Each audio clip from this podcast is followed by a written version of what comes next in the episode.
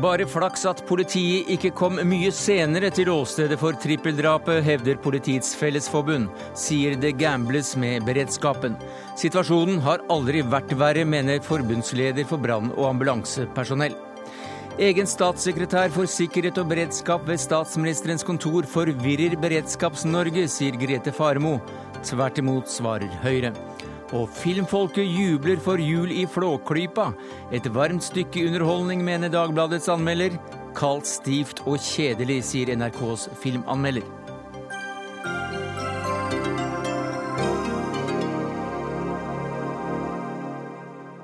Ja, Det er noen av sakene i Dagsnytt 18 denne torsdagen, der vi også tar opp reiselivets bekymring for over at rømt oppdrettslaks får turistene til å stikke, og at VM i sjakk er i gang. Carlsen trakk for øvrig hvitt i første parti. Men vi begynner med bekymringene rundt politiets responstid, som altså er blitt aktuelt nå etter trippeldrapet i Årdal. Fra før av vet vi at politiet ankom åstedet etter ambulansepersonell og brannvesen, og det er ikke uvanlig, sier du Erik Kollerud, du er forbundsleder i arbeidstakerorganisasjonen Delta. Hva mener du med det?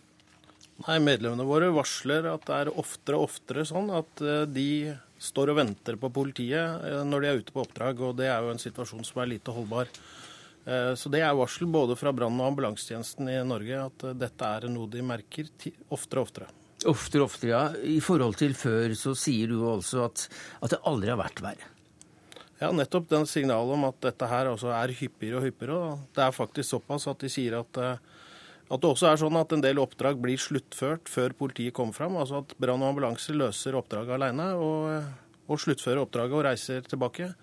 Eh, og tar med seg pasienter og uten at politiet faktisk har rekt fram. og Det er jo en lite holdbar situasjon. Ja, hva slags situasjon er det?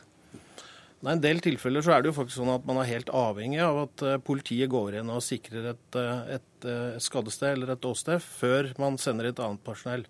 Hvilket også var, burde vært tilfellet i Årdal. Og det er klart det gjør at en del pasienter eller skadde må vente lenger enn nødvendig. Og det gjør selvfølgelig noe med situasjonen til den skadde, men også en stor frustrasjon for de som står og skal hjelpe, og som ikke kommer inn. Jo, hvordan skal det være, da? Nei, Her bør det jo være sånn at når, når, varsel går, og her snakker vi om ofte trippelvarsling, altså alle tre etater varsler samtidig.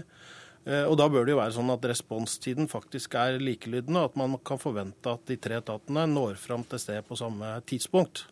Sånn at man faktisk kan sette inn innsats raskest mulig. Men slik eh, er det altså ikke, Kjetil Drange. Du er lokalleder i Politiets Fellesforbund i Sogn og Fjordane. Og til Dagbladet i dag så sier du at det var faktisk var flaks at ikke responstiden var mye lenger enn det den faktisk var. Hva mener du med det? Ja, men dette mener jeg så eh, eh avhenger vi av hvor patruljene befinner seg. Og vi hadde en patrulje på aktiv tjeneste på det aktuelle tidsrom. Og den kunne like gjerne vært sendt på oppdrag på andre siden av fjorden, dvs. Si mot eh, Sogndal. Og da ville situasjonen vært Ja, kan vi plusse på en time sånn sett. Ja, Det er mer regelen enn unntak at politiet er sist fremme ved et ulykkessted, sier du til Aftenposten. Ja, og jeg eh, vil absolutt støtte meg til den bekymringen Delta har, eh, og beskrivelsen han ga, eh, sånn som jeg oppfatter den også.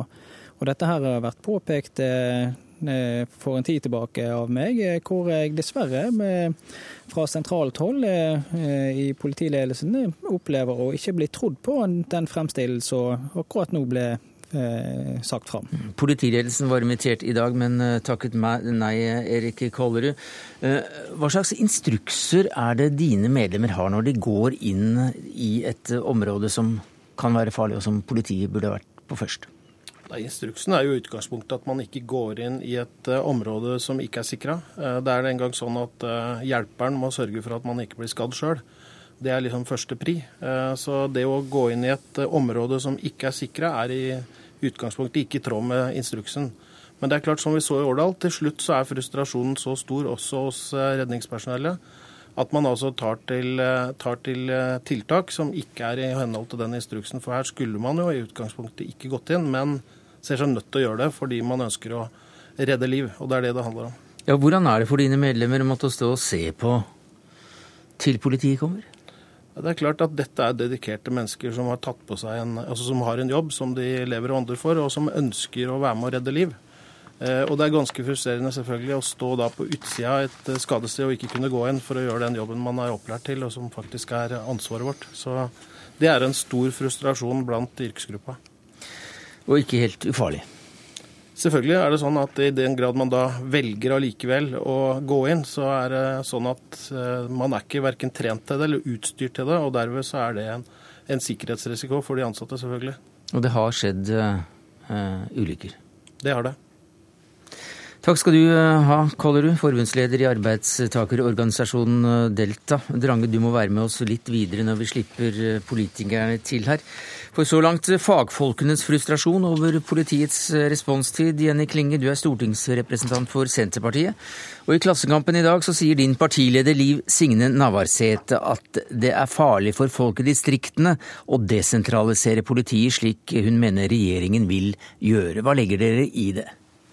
Det sier seg selv at når avstandene blir større mellom politiet og folk, og mellom politiet og de akutte hendelsene som kommer til å skje også i framtida, så er det reelt sett også fare for eh, liv og helse. Ja, Hva er det dere frykter? Det vi frykter, det er nå at det skal bli en stadig sentralisering av politiet framover òg, slik at det blir enda dårligere beredskap i distriktene. Og dessverre, når regjeringa sier at de skal ha en massiv sammenslåing av politidistrikt, og ikke minst også lensmannskontor, så gir det all grunn til frykt. Hva sier du til dette, Anders Werp, du er justispolitisk talsmann for Høyre. Ja, jeg registrerer at eh, Senterpartiet etter åtte år eh, på mange måter har eh, konkludert med at dagens struktur ikke holder. Man kritiserer jo i stor grad det som er dagens situasjon. Vi har, for vi har jo ikke tatt stilling i Høyre eller i regjeringen til morgendagens struktur. Det vi er opptatt av nå, i forlengelse av denne situasjonen som, som altså trippeldrapet, det er for det første å få all, alle fakta på bordet, sånn at vi kan starte en diskusjon ut fra kunnskap om fakta.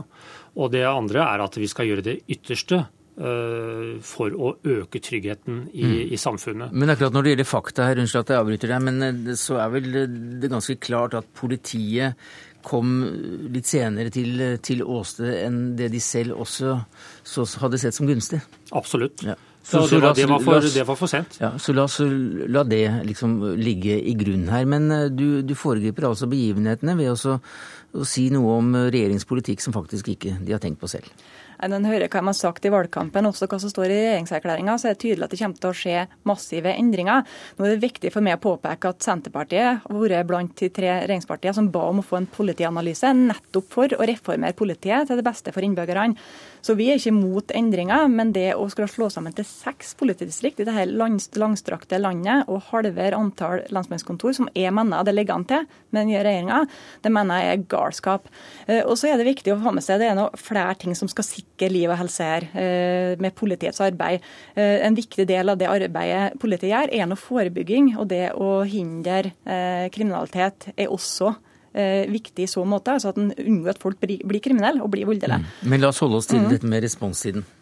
Ja, eh, jeg må bare ta avstand fra det virkelighetsbildet Senterpartiet forsøker å tillegge Høyre. Dette dette er ikke regjeringens eller Høyres politikk.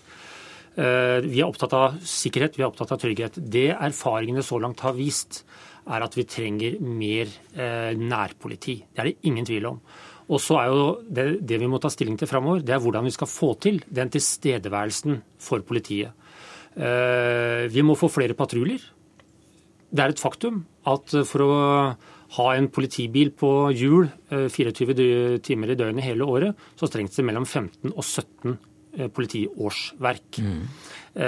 Så det krever mye for å få flere patruljer. Da må vi tenke nytt. Hvordan vi skal få bedre politidekning døgnet rundt, året rundt i hele Norge, som er et stort land med store avstander, mye fjell, mye fjord. Vi må, vi må ha en såpass respekt for politifaget også at vi, vi, lytter på de. Politianalysen gir ett bilde og noen anbefalinger. Mm. Og de, altså, Politianalysen du nevner, det er da direktoratets uh, egne vurderinger ja. som uh, skjærer 27 politidistrikter ned til, ned til 6. Og det, det er altså ikke aktuell politikk akkurat nå? Regjeringen har sagt at vi eh, ønsker å redusere antall politidistrikter, men vi har på ingen måte sagt at vi skal gå for mm. seks distrikter. Det er, det er ingen eh, politiker fra Frp eller Høyre som, som har sagt. Det er nede 12, og i, regjerings, i regjeringsplattformen så står det reduksjon, men det står ikke noe mer. Og Hvis man tar utgangspunkt i en kriminalitetsutvikling eh, i Norge, som på den ene siden er bedre organisert enn noensinne, og den kommer til å bli enda bedre organisert. Den er grenseløs geografisk og voldelig. Og det er store summer involvert, og den blir mer avansert. Så vi trenger jo mm, større og kraftigere fagmiljøer i politiet for å håndtere den delen. Samtidig, og der er Høyre og Senterpartiet helt enige når det gjelder forebygging og lokalpoliti, mm. så må vi selvfølgelig ha tilstedeværelse. Og flere patruljer på gatene og veiene også i distriktene. Regjeringen skal ivareta begge mm. de to elementene. Ja, Spørsmålet er hva han mener med tilstedeværelse. Og Det som jeg er opptatt av, det er at de grepene som vi politikere gjør, eh, gjør at avstandene blir mindre mellom politiet og de plassene der det skjer, samtidig som en skal ivareta det som er nevnt i stad, med forebygging. Eh, og Jeg har nå lyst til å utfordre Verp på hva de legger i det med å gjøre endringer, hvis en skal bevare nærpolitiet nærpolitiet og samtidig ha en massiv sammenslåing av lensmannskontor. Da jeg spor Erna Solberg, den nye statsministeren, om dette spørsmålet i går, eh, om å kunne eh, garantere at avstanden faktisk blir mindre, for det må nå være målet, eh, så er det ganske ulne svar, rett og slett. Og det er en viktig poeng her. Det er et øyeblikk, vi må nesten, nei, få, et, men, vi må nesten få, få, synet til, til verden. Ja, hun, altså representant fra Senterpartiet, min gode kollega i justiskomiteen, Jenny Klinge, etterspør hva Høyres svar er. Og jeg svarer vi går inn i dette arbeidet med stort alvor fordi vi er opptatt av folks trygghet i hele landet. Uh, og, og, jeg hører at det ligger en, en antakelse og påstander og, og, og anklagelser fra, fra, Senterpartiet, som har sittet i regjeringen i åtte år, uten at de faktisk kommer med et eneste svar selv. Hva er deres alternativ? Vi ønsker å lytte på politiet, vi ønsker å lytte på de ansatte. Mm. Og her er det også viktig, sånn som foregående innslag pekte på, brann og ambulanse er en del av beredskapsbildet. Dette må vi lytte til. Men hvordan skal dere få ned responstiden? Ja, vi, vi må få flere patruljer. Mm. Det er punkt én. Vi må få mer mobilitet inn i politiet. Flere eh, politipatruljer som, som, er tilgjengelige døgnet rundt, året rundt, kvelder, nattetid, i, i ferier, mm. og når de fleste politifolk mm. har gått av vakt. Hva sier du til det, Drange, fremdeles leder av Politiets Fellesforbund i Sogn og Fjordane? Ja, jeg ønsker å tilføye det som blir sagt av Delta, også at brann og ambulanse er frustrert, men den samme frustrasjonen eh, kommer jo fra mine eh, medlemmer eh, fra politiet, som opplever det svært frustrerende å komme sist som hovedregel til åsteder. Og Når det gjelder nærpoliti, så mener jeg at det er viktig at vi er til stede der folk bor. Vi må være tilgjengelige for folk. og vi må definere det må en eller annen måte definere hva type politi eh, vi skal ha. Slags type tjenester er det publikum skal ha krav på. Og Det tror jeg er en viktigere debatt enn å si om vi skal ha tolv eller ti eller seks politidistrikt. Og, eh, samme med lensmannsdistriktstrukturen, at vi må se på eh, hva tjeneste er det vi skal levere som standardvare. Det tror jeg ikke det er stor uenighet om, men du hører her at Verp lover flere patruljer? Ja, det er jo veldig bra. Men eh, så spørsmålet mitt greier vi å organisere oss til flere polititjenestemenn? Svaret er Det tror jeg vi kanskje antageligvis får noe av svaret på allerede i morgen. Mhm. Da kommer regjeringens eh, tilleggsproposisjon. Jeg kan ikke si eller vet ikke hva som står der, men Budsjettet også, som dere har. Det er ingen tvil om at mm. politi- og beredskapsfeltet er prioritert i regjeringsplattformen. Og det står svart på hvitt at vi skal styrke politiberedskapen eh, og tilstedeværelsen i Norge. Og nærpolitiet er en viktig del mm. av det. Men jeg etterlyser fortsatt svaret fra Senterpartiet. Hva er deres løsning eh, på det de faktisk anklager Høyre for, og som vi ikke mener? Jeg synes det, det, er et utrolig godt eh, spørsmål Verp stiller, men forutsetninga hans er at vi eh, skal være så altså Det Verp går ut fra gang på gang, det er at vi ikke ønsker endring. Det gjør vi. Det som er viktig å få med seg, det er at det er tverrpolitisk enighet om å øke antallet polititjenestemenn til to per 1000 innen 2020. Spørsmålet blir eh, hvilken politisk forskjell vil det være på hvor en skal ha den økninga. Vil økninga skje også i distriktene? Og det var det Erna Solberg ikke ville gi svar på.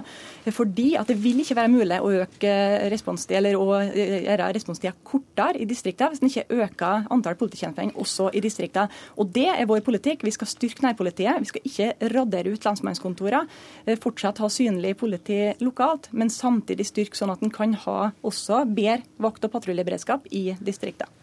Kan jeg kommentere det? Ja, vær så god fra Stavanger. Ja, det, jeg er helt enig i det at eh, det er viktig at nå vi ikke vi plasserer ressurser inn som blir samla rundt eh, sentrum. For det er en bekymring vi også eh, frykter, eller vi har i forbindelse med ytterliggående sentralisering. Så skal vi greie å unngå eh, sånn fokus på å komme så seint, så må politiet også ut i distriktene. Men er det ikke slik at vi har hatt en historisk opprusting allerede av, av denne etaten? da? Jeg vet ikke om jeg, jeg tror ikke jeg skal si det er historisk, men eh, det er helt klart at de to siste årene har det vært tilført mer politi. Og det er et lite steg i riktig retning mot eh, erklæringen to per tusen. Så hvis dette fortsetter, så vil det jo hjelpe, men vi har en vei å gå. Men vi har også da flere svar allerede i morgen, da det budsjettarbeidet som den nye regjeringen har gjort, vil syne seg i form av endringer. Og det skal vi komme kraftig tilbake til. Takk skal du ha, Jenny Klinge, så langt, og til deg, Kjetil Drange. Anders Werp, du må nesten bli sittende.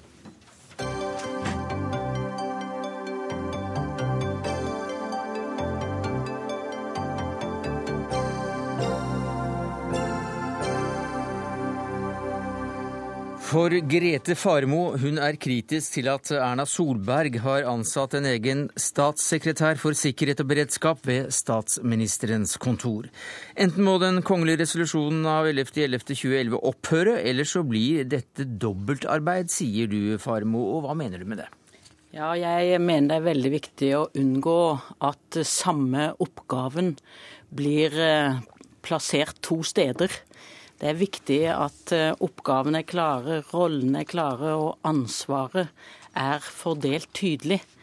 Og eh, slik denne nye statssekretæren på statsministerens kontor beskriver sine oppgaver, så eh, skal det først være en rådgiver oppover, altså til statsministeren. Og så skal det være en pådriver overfor fagdepartementene. Ja, hva er galt i det? Og en koordinator. Og både pådriveren og koordinatoren ligger etter denne kongelige resolusjonen i Justis- og beredskapsdepartementet. Så det er det jeg har vært opptatt av. For vi er alle opptatt av en eh, sterkere gjennomføringskraft. Sikre både at nødetater og andre beredskapsaktører handler resolutt om noe skjer. Så her blir det også ulike deler av, av regjeringsapparatet som faktisk skal gjøre det samme, og hvem har da egentlig ansvaret? Det er det som er eh, poenget. For etter vår konstitusjon så er det jo den enkelte fagstatsråd som eh, har eh, ansvaret for sitt område. Og her kjenner jo Stortinget heller ingen statssekretærer. Så både det å ha ryddige roller og unngå mer byråkrati er poenget. Og det er noe av mm. bakgrunnen for at jeg har tatt opp at denne ordningen kanskje ikke styrker gjennomføringskraften, men bare øker ressurspådraget og byråkratiet. Hva sier du til den tidligere justisministeren Anders Werp, stortingsrepresentant for Høyre og fremdeles første nestleder i justiskomiteen? Ja, jeg, For det første syns jeg det er hyggelig å se Grete Farmo igjen. Eh, vi, tross alt, eh, selv om vi står på hver sin side, så har vi hatt et godt samarbeid. Og, og Farmo kommer inn på slutten av regjeringen Stoltenbergs eh, regjering. Den regjeringen som i nyere tid har fått sterkest kritikk for sin eh, politikk på beredskapsområdet. Men så til, først, den, utfordringen, gjennom, så, ja. så til den utfordringen hun kom med her, til ja. Eh, denne oppnevnelsen av en eh, egen statsråd for sikkerhet Ikke statsråd, men statssekretær. statssekretær unnskyld. Først kom 22. juli-rapporten, som er knusende for hva som er gjort av manglende koordinering helt til topps i Norge. Så får vi politianalysen som konstaterer at vi har et politi som ikke er organisert eller innrettet på å møte morgendagens eh, kriminalitet.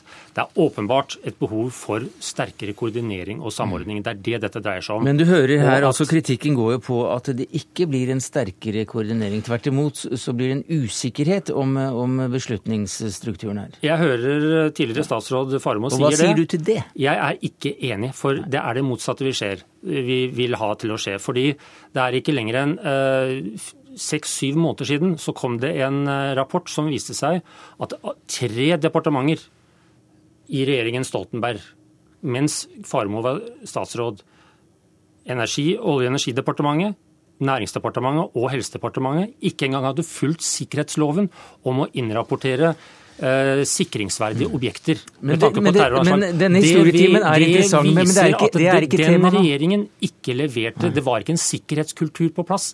Denne, dette, dette beredskapselementet som Erna Solberg har tatt ansvar for selv i egenskap av statsminister, det er en styrking av å følge opp vedtak på beredskapsområdet i de ulike departementene, være en pådriver, sørge for at evalueringsrapporter på beredskapsområdet blir fulgt opp, og at eh, jobben blir gjort når det er behov for det. Den rokker ikke slik som det ligger fra Farmos, eh, en antydning fra Farmos side.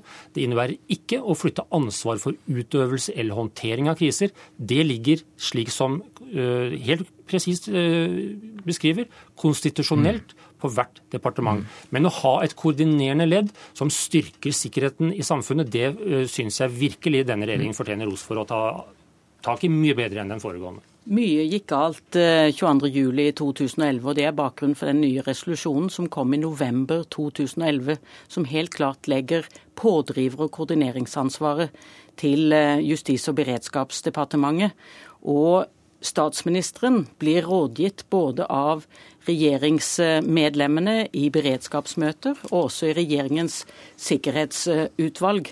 Og dette leddet hos statsministeren, som skal være en pådriver, det må da være en pådriver på pådriveren i Justis- og beredskapsdepartementet.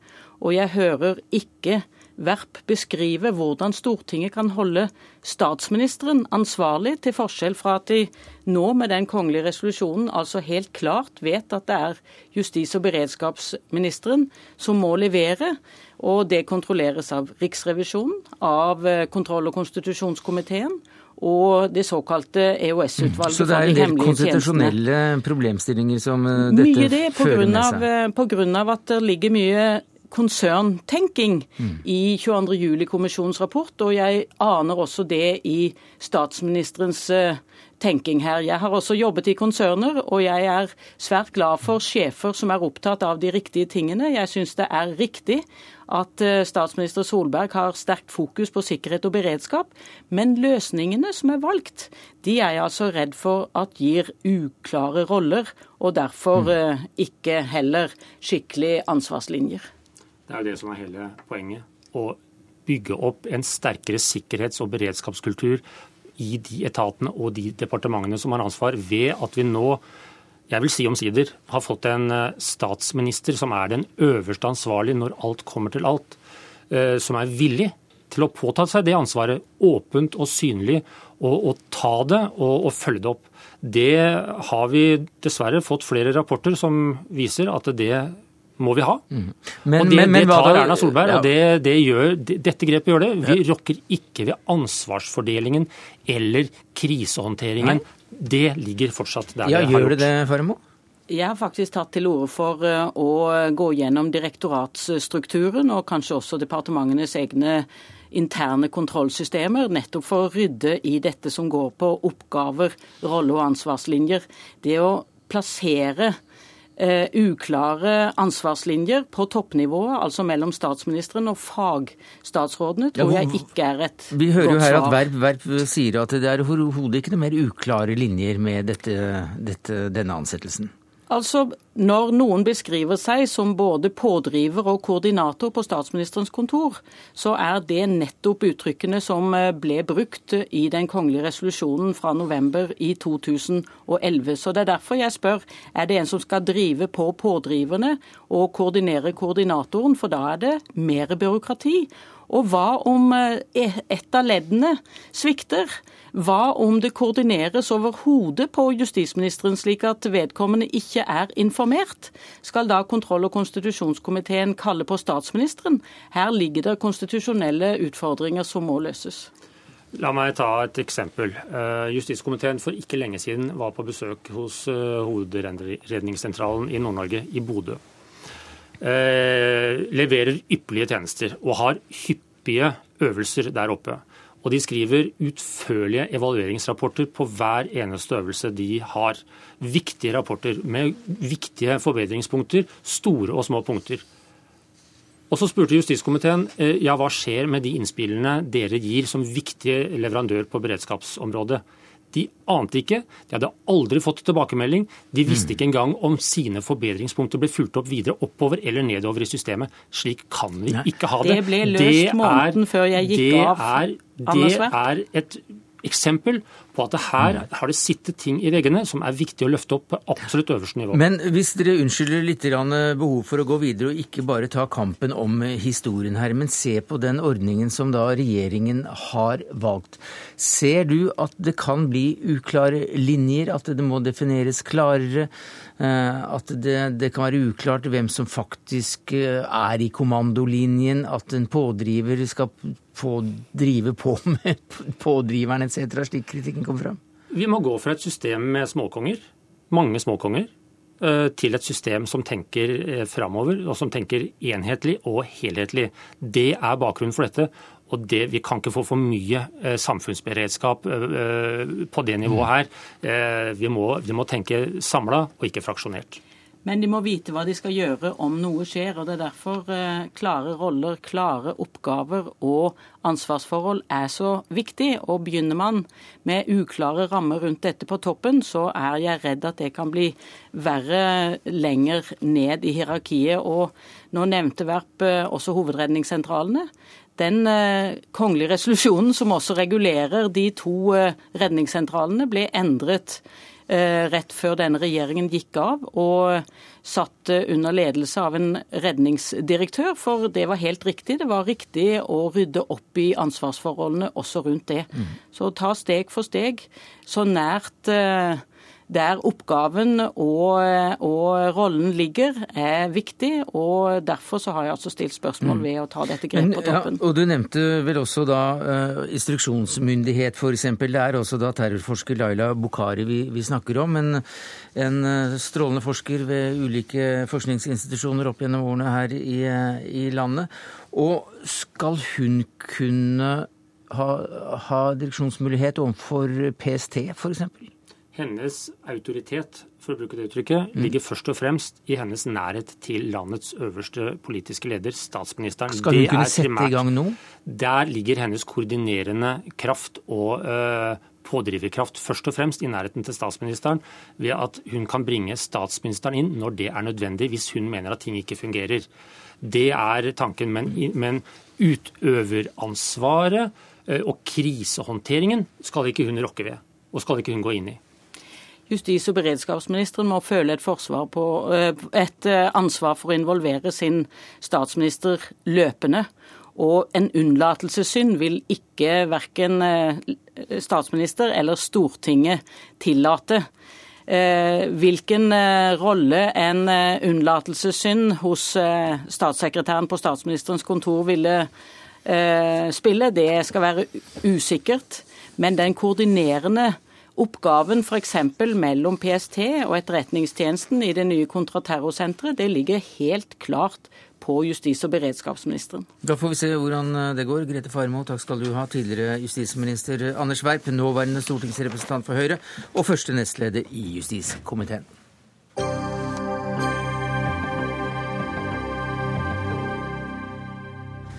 Ja, I dag ble det klart at eh, Magnus Carlsen starter det første eh, partiet i VM-kampen med hvit brikke mot regjering, regjerende mester eh, Vishwanathan Anand, hvis jeg uttaler dette riktig. da. VM-kampen starter i Chennai, India lørdag, men allerede i dag var det åpningsseremoni og pressekonferanse. Uh, I'm very happy that the World Championship is happening Chennai, in my hometown. I really want to thank uh, Honorable Chief Minister Jayalalitha for organizing this event so well. Well, I look forward to the match starting and uh, getting on with it. Thank you very much. And then, please, Magnus Carlsen, your words. What do you feel? Well, I'm also happy to be here. ja, Forlo de av det, reporter Mats Nyborg Støstad? Du følger dette ringside i Chennai? Nei, det er jo rett og slett at Magnus Carlsen han er jo en litt ordknapp fyr. da. Uh, men han viser jo, viser jo, at han er uh, avslappet og i, god form ved at han er såpass munter og blid og smiler og viser litt glimt i øyet. Samtidig har han vist oss her i, i Chennai at han har vært utrolig fokusert. på åpningsseremonien her f.eks. så var han jo så fokusert på sjakken at han begynte å fordype seg i en sjakkbok midt i åpningsseremonien. Eh, med 6000 mennesker til stede og fullt, eh, fullt show på scenen. Så, men eh, det lover veldig godt rett og slett, at Magnus Carlsen både er blid, har glimt i øyet og virker veldig fokusert. Og motstander Anand han avslørte noe i dag som har fått en viss blest? Ja, det gjorde det. Og det er kanskje det eneste skåret i gleden for Magnus nå på denne første dagen med pressekonferanser. Fordi det Anand gjorde, var rett og slett en, satte en støkk i ganske mange. Det var nesten så det gikk et litt sånn litt sånn gisp gjennom pressekonferansesalen. Eh, det som skjedde, var at eh, Anand avslørte hvem som er de hemmelige hjelperne hans. Det er jo sånn i sjakk at alle spillerne har med seg et team som regel rundt seg med folk som hjelper dem. Og, og de pleier alltid å være hemmelige. Men så plutselig avslørte da Anand hvem, hvem de er, og det er, det er, egentlig ganske uhørt i sjakken. Og plutselig da så, så betydde det at Magnus Carlsen fikk høre navn på sterke sjakkspillere som man plutselig må forholde seg til. Så Bl.a. en som heter Peter Leko. Og Det betyr at eh, Magnus nå må forberede seg på typiske Anand-taktikker, men plutselig også typiske Peter Leko-taktikker. Så han får mye å stri med de neste dagene, Magnus. NRK sjakkekspert Torstein Ba, du eh, var på det norske landslaget i et sjakk-OL, tidligere president i Norges Sjakkforbund. Hva sier du til, eh, til denne strategien altså fra Anand å vise kortene? Hva oppnår han med det? Nei, det er klart, Han viser jo litt selvtillit, jeg vil jo si det. Altså, Magnus sier eh, jeg holder kortene tett til brystet og jeg vil ikke avsløre noen ting, mens eh, Anands oppførsel er på en måte en mester verdig her. Han sier at eh, jeg har ikke noe å skjule, dette er de fire stormesterne som bistår meg, og vær så god, bruk den informasjonen som du vil. Du, Før du må rase videre, Mats Nyborg Støstad. Hvor stort er sjakk-VM i verdens nest folkerikeste stat? Nei, altså det er jo eh, blant vanlige indere her, så virker det som de aller fleste jeg har snakket med, i hvert fall vet godt om kampen. Eh, kampen er jo på avisforsider eh, nesten, i nesten alle de store avisene hver dag her. Eh, Anand ble jo kåret til årtusenets idrettsmann i India. Eh, det var 6000 tilskuere på, på denne åpningsseremonien i dag. Så i hvert fall så vidt vi kan erfare her, så er det stor blest om kampen, i hvert fall i denne delen av India. Takk skal du ha, reporter Mats Nyborg Støstad. Eh, Torstein Bae, hvor stort er dette for eh, oss her i Norge, syns du? Jeg syns jo det er en fantastisk prestasjon at Magnus har klart å komme dit han er, i en eh, aktivitet som har så mange utøvere, 600 millioner. og vi kan jo si også at det er noe med kulturhistorien her. Et spill som er utviklet altså i hvert fall over et par tusen år, der da i dag eh, det fremste produktet som mennesket har klart å frembringe, er da en eh, gutt fra Lommedalen. Ja, Men det begynte vel også i nærheten av eh, der VM-kampen skal stå? Absolutt. Det sies jo at sjakk kom til Persia omtrent det sjette århundret, men at det bygget da på en enda tidligere utgave som var fra India. La oss ta det som har skjedd i dag, bortsett fra denne lille leken de har med å vise eller ikke vise kort. Carlsen trakk hvitt i åpningskampen. Hva, hva betyr det? Det betyr at eh, det i hvert fall er veldig liten sjanse for at han taper det første partiet. På dette nivået så er eh, hvit det som gjør at du kan gå for seier, mens med svart så er man i utgangspunktet nødt til å være fornøyd med, med uavgjort, med remis. Så eh, det garanterer i hvert fall nærmest garanterer at Magnus får en habil start på matchen, og det gir han sjansen til å gå for hele poenget med en gang.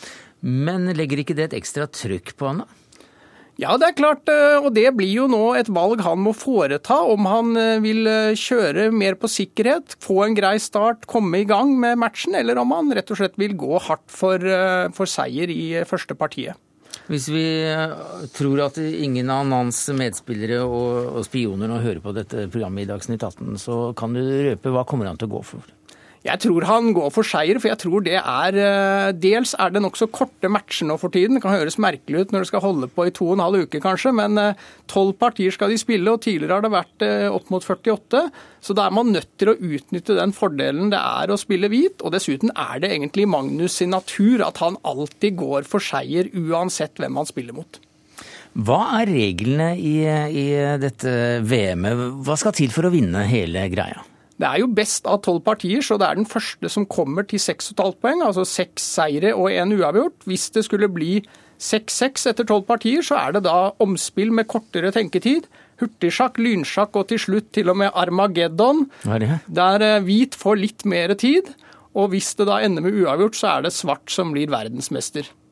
Har det skjedd? Det har ikke skjedd i VM-historien ennå. Vi har foreløpig ikke kommet lenger enn til hurtigsjakk, men eh, det er, mulig. nok. Du, hvor stort er VM i forhold til å være klart verdens høyest eh, rankede sjakkspiller, som jo Carlsen har vært i noen måneder nå?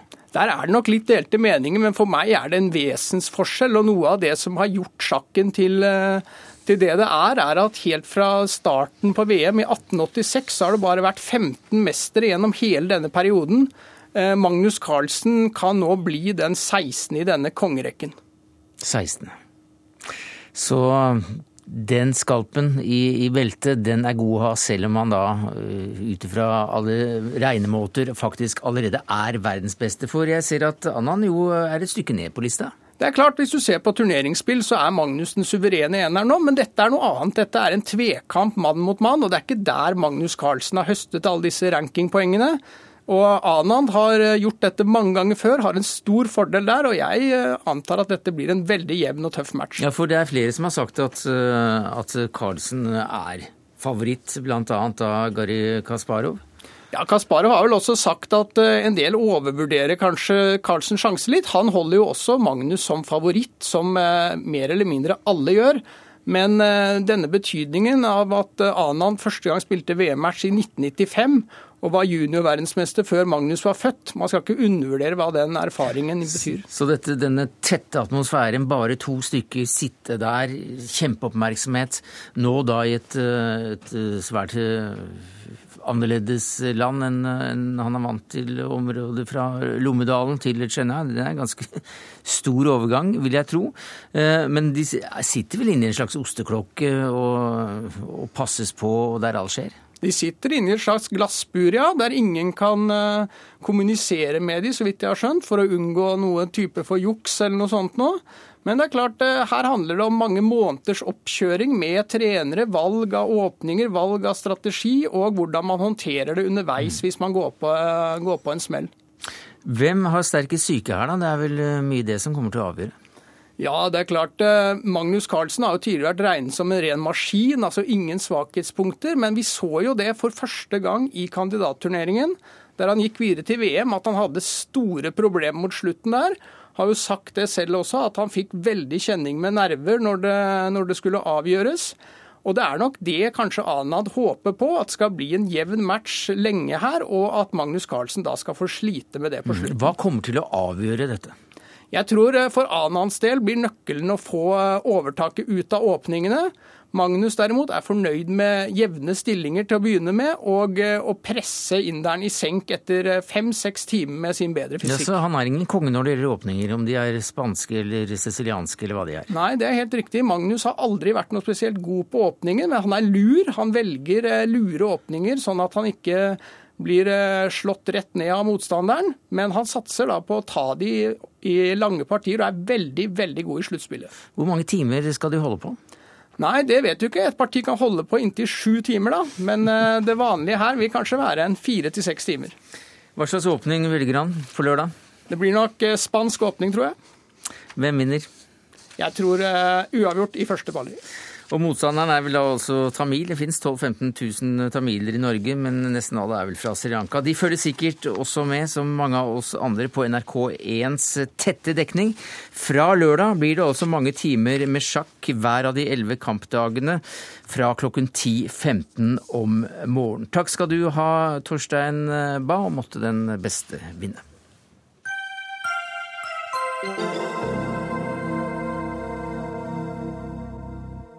Oppdrettslaks rømmer, har med seg vilje villaks, blander gener og truer laksestammene i norske elver. I Aftenposten var det en rekke bekymrede organisasjoner som ropte varsko i dag. Og Hilde Charlotte Solheim, du er direktør i Virke reiseliv, så du er spesielt opptatt av konsekvensene for turismen. Og hva er det du frykter? Det vi frykter er at vi ødelegger en uerstattelig ressurs, nemlig den norske villaksen. Der er bestanden unik for hver elv. Naturen har altså satt denne laksen i stand til å leve i akkurat den elva, være ute i havet i mange år og komme tilbake. Dette er en uhyre verdifull ressurs for grunneierne, og vi har et eh, fantastisk potensial for reiselivsutvikling knytta til dette. Laksefiske er en av de aktivitetene folk er villige til å betale mye for å drive med. Og nå er den ressursen under en veldig veldig alvorlig trussel, og det er rømt oppdrettslaks. Vi har en statistikk som tilsier at det går bitte litt nedover med rømminger. Og samtidig så finner vi titusenvis av fisk som ingen savner langs kysten. Og det er i ferd med å ødelegge gensammensetningen til laksen. Og det er i ferd med å få folk til å la være å sette i gang f.eks. med den reiselivsutviklingen de kan, for å bli boende på en landbrukseiendom hvor de ikke lenger kan leve av landbruk. Så din utfordring til næringen, den er da? Vi sier nå at det er på tide å kreve merking av all oppdrettslaks, sånn at vi kan finne eieren. Nå fikk man i Alta på en strekning sju av ti fiskede laks i dronningen av lakseelver var oppdrettslaks som er rømt. Ingen savner den laksen, og saken er i ferd med å bli henlagt. Så nå utfordrer vi da myndighetene, regjeringen, til å få på plass dette kravet om merking, som man har vurdert lenge. Øyvind André Haram, du er informasjonssjef i FHL, eller Fiskeri- og havbruksnæringens landsforeningen. Hva sier du til den utfordringen? Merke laksen? En helt klar ting som vi eh, har sagt at vi skal gjøre. Vi var nok eh, litt for ambisiøse da vi i 2011 lanserte miljøløftet vårt. Vi hadde stor tro da på at eh, vi skulle få til en god ordning på plass innen 2012. Men det har ikke vi klart. Og så har vi da prøvd og gjort eh, det vi kan for å rydde opp etter oss. Hver gang det rømmer laks, så gjør vi ting. Og vi har jo blant annet brukt siden 2011 17 millioner kroner på å, med tiltak for å bl.a. ta ut laks laks fra elvene. 17 millioner kroner, det er jo penger det òg? Du vet hva det er småtteri. Eh, faktisk så er et eh, laksedøgn av de mest verdifulle, det er verdt eh, 150 000 kroner. Solgte man nå to døgn i Alta for. Eh, det er kanskje kaksefiske. Men for næringsutvikling så er det sånn at f.eks. Vegard Heggem, som mange kjenner, han omsetter for 2,5 millioner million kroner på sin gård med laksefiske i løpet av en sommersesong. Så 17 millioner kroner er virkelig en pølse i slaktetida i forhold til hva slags verdi eh, laksefiske har som ressurs. Men vi hører jo her at Haram sier at de går og investerer massevis for å rydde opp etter seg når uhell skjer. Nå er det jo sånn at næringslivet Eh, veldig ofte klarer å rydde opp i og løse sine utfordringer. Men de gangene næringslivet sleper beina og ikke klarer å finne en løsning, så har myndighetene en, en mulighet. Og denne veldig brede alliansen, hvor vi har både grunneierinteresser, Norges jeger- og fiskeforbund, Norske lakseelver, Norges Bondelag, sånn at det er jo ikke noen tilfeldig sammenraska liten miljølobby. Dette er veldig, veldig, veldig brede næringsinteresser og friluftsinteresser i Norge. Det vi sier er at nå ønsker vi oss egentlig at regjeringen går inn og så smeller en liten pisk for å få næringen til å ta dette ansvaret. Og regjeringen de er representert ved deg, statssekretær i Fiskeri- og kystdepartementet, Amund Drønen Ringdal. Hva sier du til denne utfordringen? Først vil jeg si eh, at uh, rømt oppdrettslaks uh, vil uansett kunne være med å påvirke villaksen om man er merka eller ikke. Sånn at grunnleggende sett så må vi jobbe med å unngå rømminger.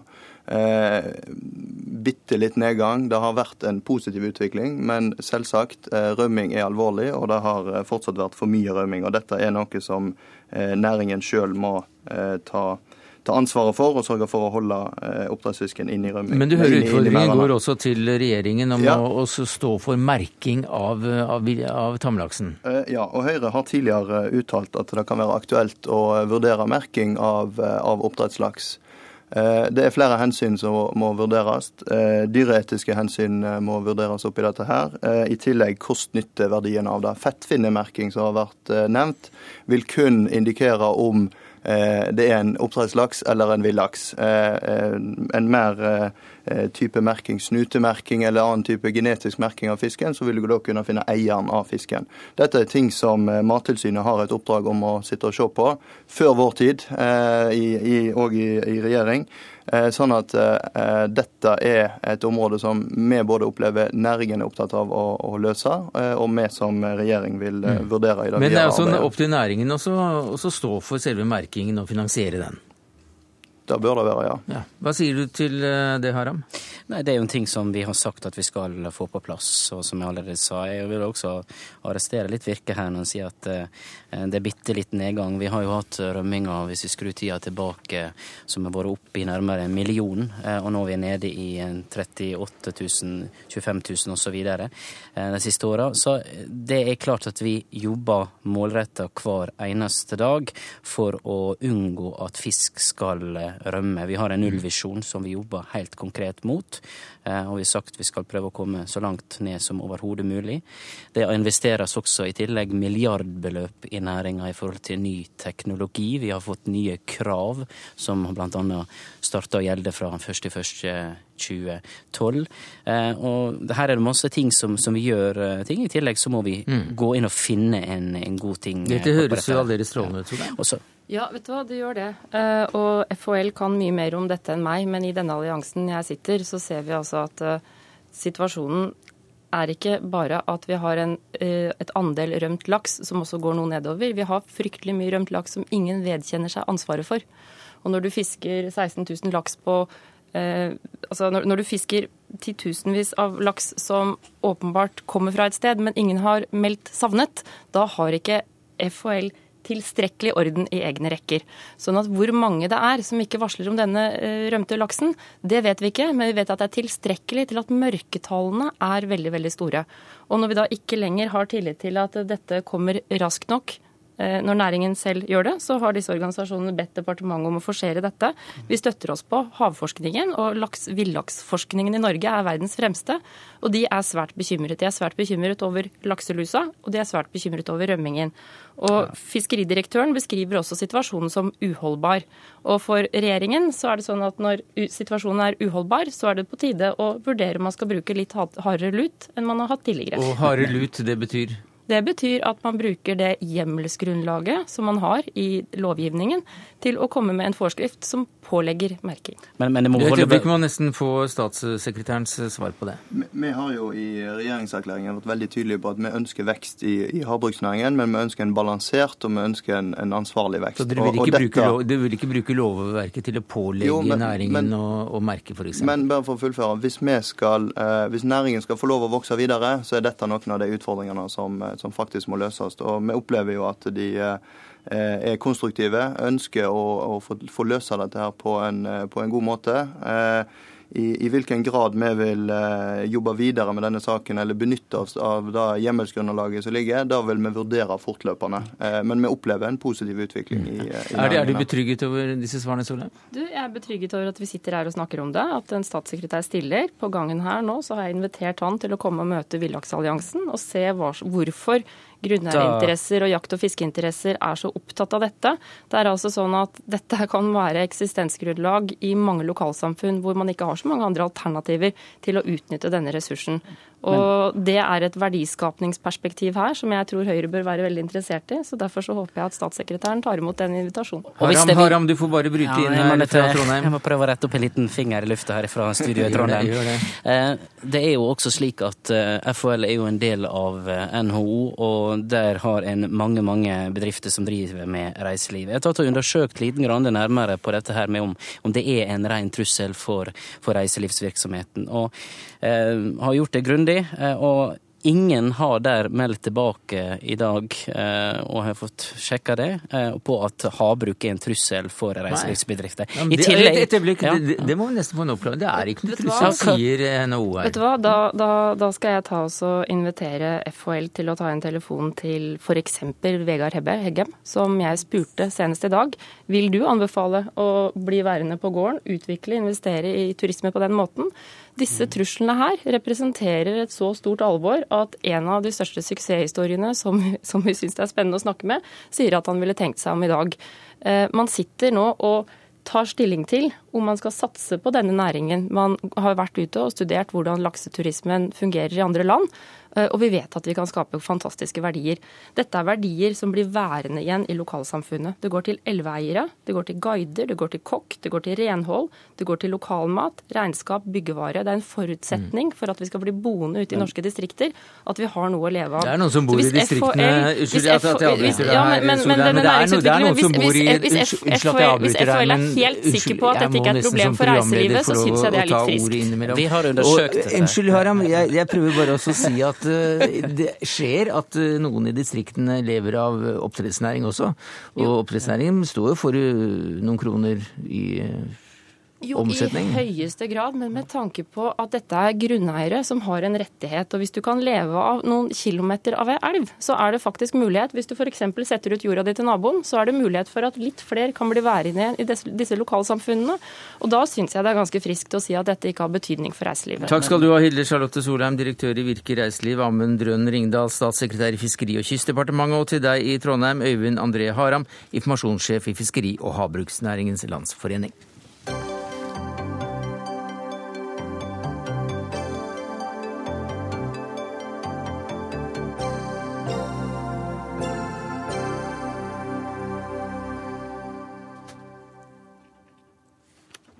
Ja, i morgen Det er førjulstid i Flåklypa. Der arbeidsfordelinga er som den alltid har vært. Er det noe kaffe? Nei. Det syns jeg du skal gjøre noe med. Men noe mangler før julestemninga kan senke seg. Er det ellers noe vi har glemt? Snø! Det blir ikke jul uten snø. Oi, så fisse. Dette er jo så spennende, så spennende, og i morgen er det også premiere på Solan og Ludvig, jul i Flåklypa. Anmelderne drar seg gjennom fuglekassa av begeistring. Den har fått flere femmere, og til og med en sekser av Aftenpostens anmelder som mener filmen er kanonbra. Men som en uh, dunk malurt, så kom du med din anmeldelse i NRK Kulturnytt i morges. NRKs filmanmelder uh, Mikael Olsen Lerøen, og din dom er kald, stiv og kjedelig. Hvorfor det? Du, Filmen er flat historiemessig. Det er en så tynn historie som at spørsmålet dreier seg om om Redo Felgen kan lage en snømaskin. Ganske kjapt inn i filmen så klarer han det, og da står man igjen med spørsmål om kan man skru den av igjen. Det er det ene. Det andre er at de figurene, det universet som Kjell Aukrust ga så fantastisk liv til, og som Ivo Caprino viste at det gikk an å lage god film av, det er helt fraværende her. Og det tredje er eh, denne mangel på morsomme replikker, mangel på bifigurer som kommer til å sitte igjen i vår felles kulturarv, sånn som Flåklypa eh, Grand Prix ga oss. Det finnes ikke her. Men altså en dramaturgi som er like kupert som innsiden av vikingskipet på Hamar? Ja, det er kanskje litt slemt sagt, men jeg mener det. altså. Spørsmålet er altså kan Reodor Felgen finne opp en snømaskin? Ja. Og så er spørsmålet kan vi få slått den av igjen? Jeg røper vel ingenting når jeg sier at jo da, det kan vi også. Og personene framstår like glatte som isen inne i Vikingskipet? Ja, det Hvis dette hadde vært levende skuespillere, så hadde jeg satt igjen med en følelse av at jeg hadde sett generalpremieren, der skuespillerne går på, på markeringene sine, de sier replikkene sine, men de sparer energi til den store, eh, den store finalen. Her, her er det glatt, slapt og, og, og, og, uten energi. Og vi vet at disse karakterene kan levere med energi. Det har vi sett før. Og humoren er like spennende som å diskutere skismøring i juli, sier du i din anmeldelse. Hvilket terningkast er det du havner på her, da? To. Inger Merete Hobbelstad, filmanmelder i Dagbladet. Du ga filmen en femmer og kaller den eh, varm. Ja, jeg koser meg på kino, og når jeg hører dette så er det nesten så jeg lurer på om eh, min ærede kollega og jeg har sett samme film, eller i hvert fall om vi har forventet å se samme film, og hva han eh, måler den opp mot. Jeg ser helt klart dette som en varm, vellaget, samvittighetsfull familiefilm, som klarer å smelte sammen Aukrusts persongalleri med en ganske sånn tradisjonell, men helt fin, dramatisk underholdningsfilmsintrige. Det som eh, man bør være klar over når man kjøper billetter til denne filmen, det er at det er en veldig annerledes film sammenlignet med Flåklypa Grand Prix. Eh, Flåklypa Grand Prix er jo et mesterverk, som jeg ser det, og en urklassiker i norsk filmhistorie. Og er en veldig veldig rik, frodig, fartsfylt film. Et enormt persongalleri og en handling som forflytter seg veldig mye rundt. Dette er mye mer av et kammerspill. Eh, det er et mye mindre persongalleri. Eh, det er mye sånn renere intrige slik sett. Det er mye mer sånn to eller tre hovedspor som følges gjennom filmen. Jeg klarer ikke å se dette som en svakhet. Jeg tenker bare at det gjør det til en annen film eh, enn hva Flåklypa Grand Prix er. Eh, men det er en helt tro, enige om, trofast om sammenligningen av de to filmene. fordi at Der den, den originale filmen hadde et stort persongalleri, hadde folk som vi fremdeles har med oss i kulturarven vår, og replikker som vi fremdeles bruker i dagligtale vår, så er denne her Den består av et lite, flatt univers med fire-fem personer, og, og, og ingen av de, tror jeg, eh, tåler sammenligningen med den originale filmen. Og så skal jo selvfølgelig filmer stå alene. Og jeg har sett den som en, en løsrevet film, men det går ikke an å, å ikke tenke at dette universet til Aukrust er ikke ivaretatt godt nok. Ja, Det er jo som sagt bare å si at jeg da er uenig. Jeg syns, syns persongalleriet fungerer veldig fint. Det er jo som jeg så Mikael bemerket i sin anmeldelse at det ikke er noen skurk. Jeg syns ikke at det nødvendigvis er noe stort problem. Det er jo flere tradisjoner for dette eh, i underholdningsfilmen, det, familiefilmen. det, det kan jo være, være fint, ond, at ikke være det er, er fint du... at ikke det er skurk i alle filmer, kanskje, men, men eh, jeg henger meg mer, jeg henger meg faktisk mer opp i Unnskyld, unnskyld at jeg avbryter deg. Der eh, du sitter i Bergen, Leorøen, Men du, du sier også eh, noe om dette med kulde, at personene er iskalde. Mens du da sier at dette er en varmfinn Hobbelstad. Og dette skjønner ikke jeg. Nei, det skjønner jo da egentlig ikke jeg heller. Jeg syns jo dette at eh, f.eks. at skurkene ikke nødvendigvis er onde, at det er en frustrert avisredaktør som er eh, drevet av fortvilelse over å ikke kunne selge nok aviser, det er jo en holdning jeg kan ha stor sympati for. Eh, og som da prøver å få opp opplaget ved å love snø, snø, snø, og da drives til desperate skritt. Eh, altså Jeg tenker jo mer at det er en sånn allmenn forståelse for forskjellige motiver som driver mennesker til å gjøre dumme ting. Jeg har også for øvrig et par innvendinger mot filmen, men for meg var ikke de nok til at jeg trakk den. eh, Hobbelstad ga altså fem i Dagbladet, Dagsavisen ga en femmer, Klassekampen en femmer, eh, Dagens Næringsliv skrev nok riktignok en halvblekk jur, men Aftenposten ga altså en sekser. Og midt oppi dette så kommer du med toeren din, Lerøen. Ja, jeg, jeg, er jo veldig nysgjerrig på, på hva Kjell Aukrust ville ha sagt, og ville ha eh, sagt om filmen om han hadde sett den. Det får vi jo ikke vite. men hans kone Kari var jo invitert til gallapremieren. Jeg vet ikke om hun eh, takket ja til den invitasjonen, men hun er jo en av de som kunne sagt noe om eh, i hvorvidt dette universet er blitt ivaretatt og ført videre, ikke minst, eh, i denne filmen. Og Det ville jeg vært gjerne veldig nysgjerrig på å få vite. Men det vi vet, det er at de fleste anmelderne de anbefaler eh, denne filmen som den store julefilmen for hele familien. Så takk skal du ha, Mikael Olsen Lerøen, filmanmelder her i NRK. Og til deg, Inger Merete Hobbelstad, filmanmelder i Dagbladet.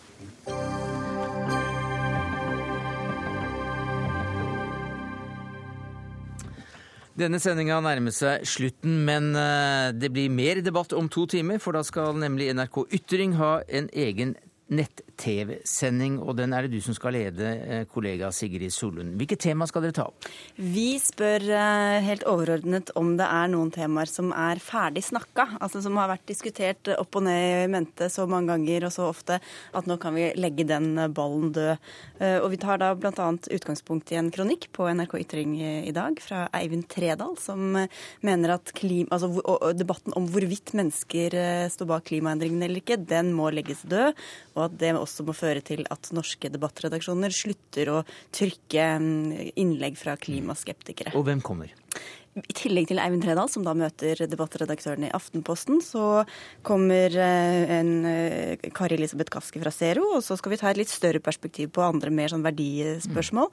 Og da kommer Marte Michelet fra Dagbladet, Emil Erstad, den nye KrFU-lederen, Therese Solin fra Dag og Tid, og blogger og skeptiker Gunnar Tjomlin, som alle har litt forskjellig innfallsvinkel. Men NRKs Ytrings nett-TV, hva er det?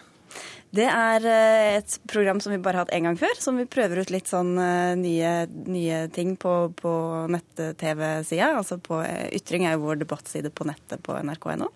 Eh, Så der skal vi ha en en mer interaktiv eh, TV-sending enn det man er vant til sånn fra andre tradisjonelle TV TV-sendinger. Noe som betyr Som betyr at eh, folk kan følge med på Twitter f.eks. Skrive der, så tar vi det inn i sendinga. Kan lese opp meldinger fra Twitter, eller, eller være med på også på nettsidene og chatte der. Og så chatte med vår debattredaktør Kyrre Nakken. Men for de som ikke er helt fortrolige med dette elektroniske databehandlingsutstyret som sprer om seg, hva skal man gjøre? Du må finne fram en PC eller en annen datamaskin eh, på en iPad eller hva som helst. Trykk deg inn på nrk.no og eventuelt eh, til, eller finn en link som da ligger der ved denne TV-sendingen, inn på nrk.no ytring. Og Der kan du også lese kronikker om dagens tema og se denne TV-sendingen, som altså begynner klokka 21, og da med Sigrid Solund som programleder. Det var det vi rakk i Dagsnytt 18 i dag. Ansvarlig for det hele var Dag Dørum. Det tekniske ansvaret hadde Finn Lie. Jeg heter Sverre Tom Radøy.